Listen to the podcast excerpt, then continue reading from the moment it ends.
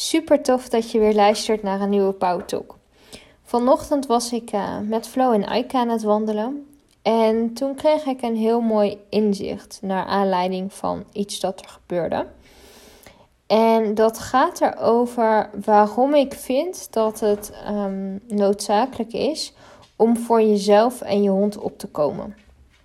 Ik uh, heb uh, sinds een tijdje een 6 minuten dagboek. En dat is een, een dagboek waarin je eigenlijk in de ochtend een aantal dingen opschrijft. Ten eerste drie punten waar je dankbaar voor bent. Waardoor je gewoon veel meer dankbaarheid gaat voelen voor alle kleine en grote dingen die in jouw leven gebeuren. Het tweede punt is hoe ik er een fantastische dag van ga maken. En een positieve affirmatie. Nou, en op het, uh, bij het punt hoe maak ik er een fantastische dag van, daar schrijf ik eigenlijk heel vaak op uh, dat, ik, dat mijn intentie is om een relaxte wandeling te hebben.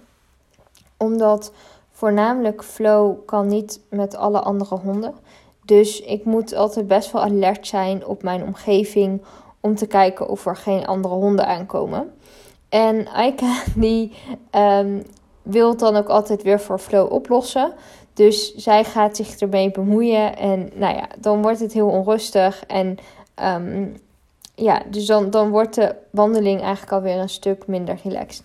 Dus ik schrijf nu elke dag heel bewust intentie op dat uh, het een relaxte wandeling wordt. En daarmee spreek ik al naar mezelf uh, de wens uit dat ik wil dat het een relaxte wandeling wordt.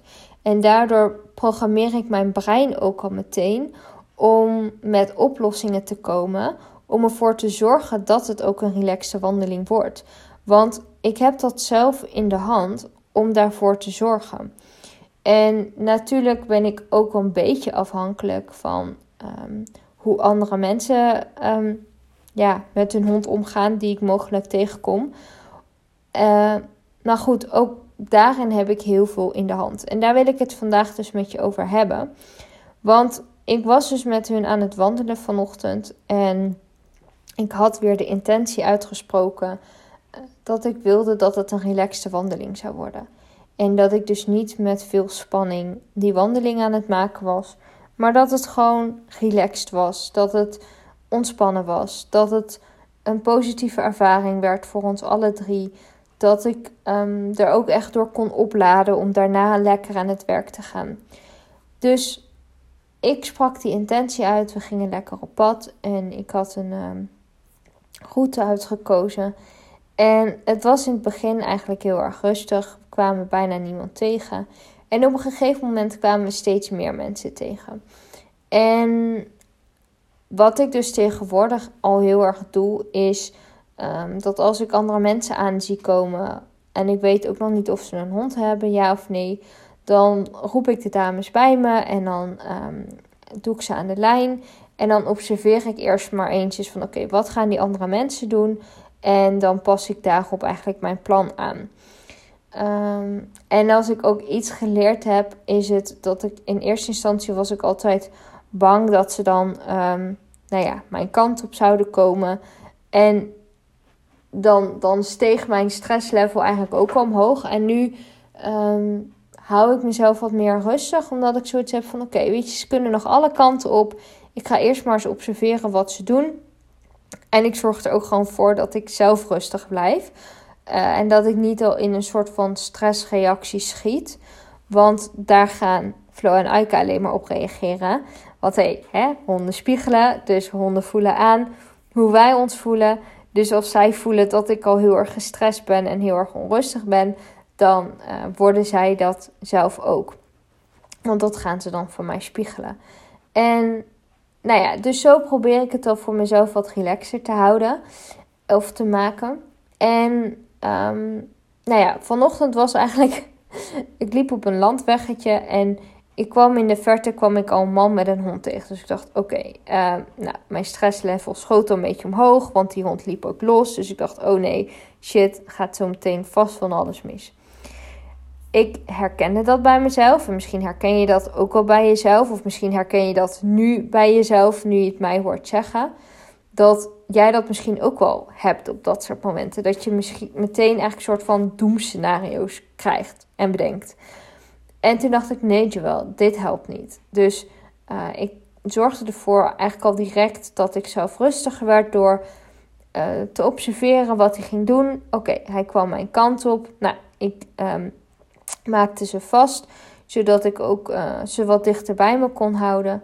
En um, ik dacht, oké, weet je wat, ik loop gewoon een andere kant op. Um, daardoor zorg ik ervoor dat ze elkaar niet hoeven te passeren. Ik leid Flo en Aika af en we lopen gewoon een klein stukje om.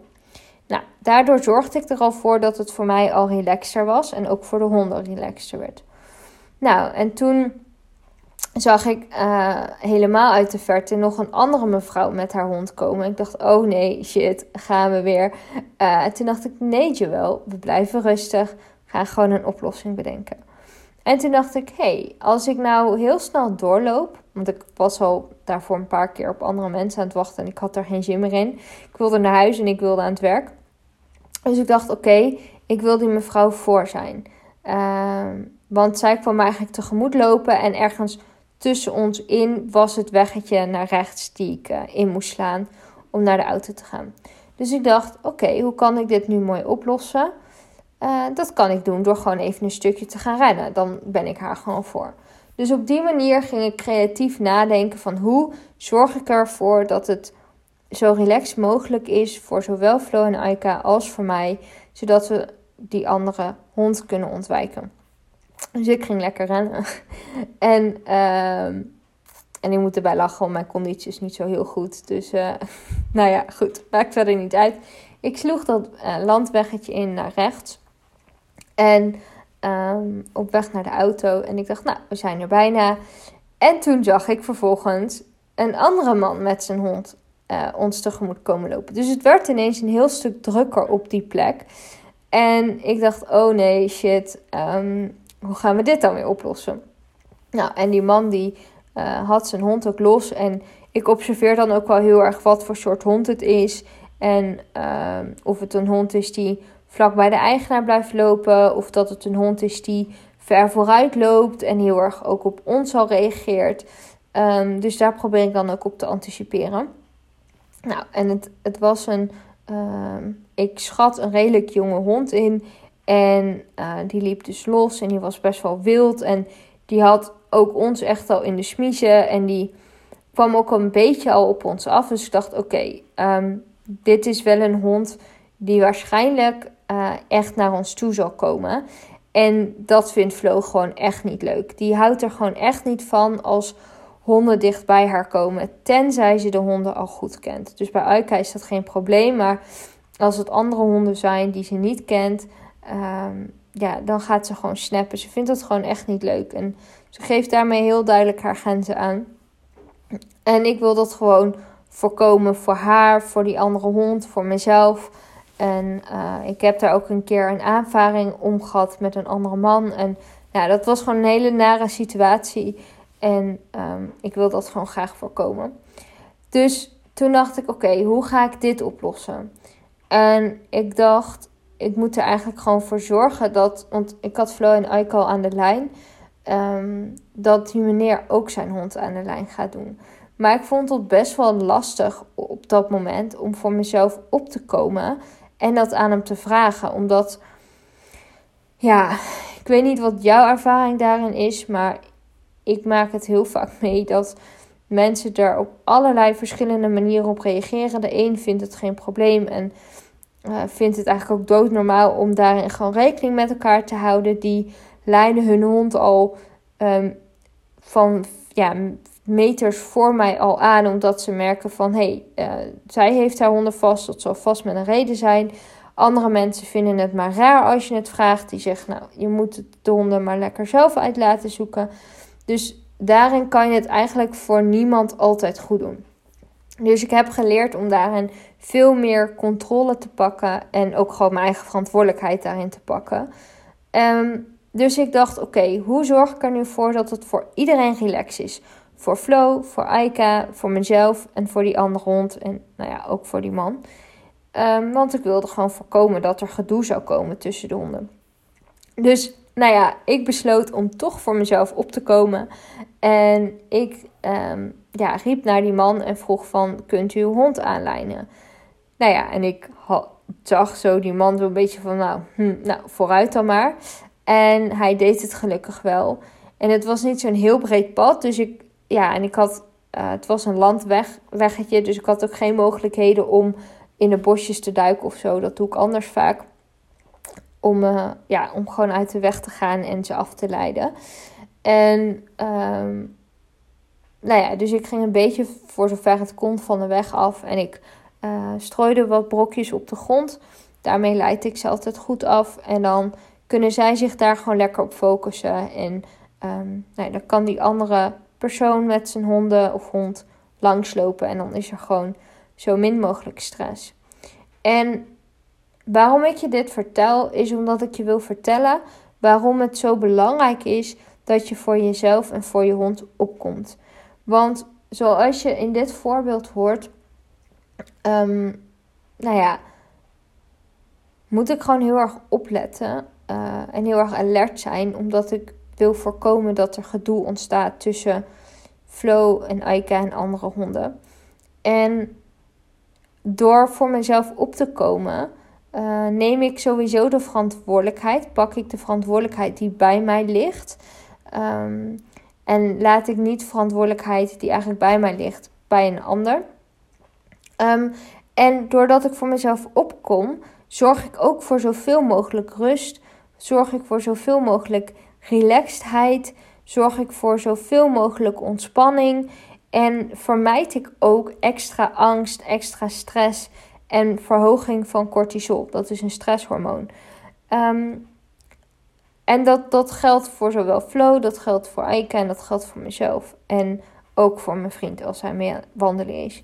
Maar dat is ook voor de andere partij. Want als, um, als ik niet aan die meneer vandaag had gevraagd om zijn hond vast te maken, um, dan was, was zijn hond waarschijnlijk, zoals ik de hond nu inschat, dat is puur op gevoel, uh, zal die hond op ons af zijn gestormd.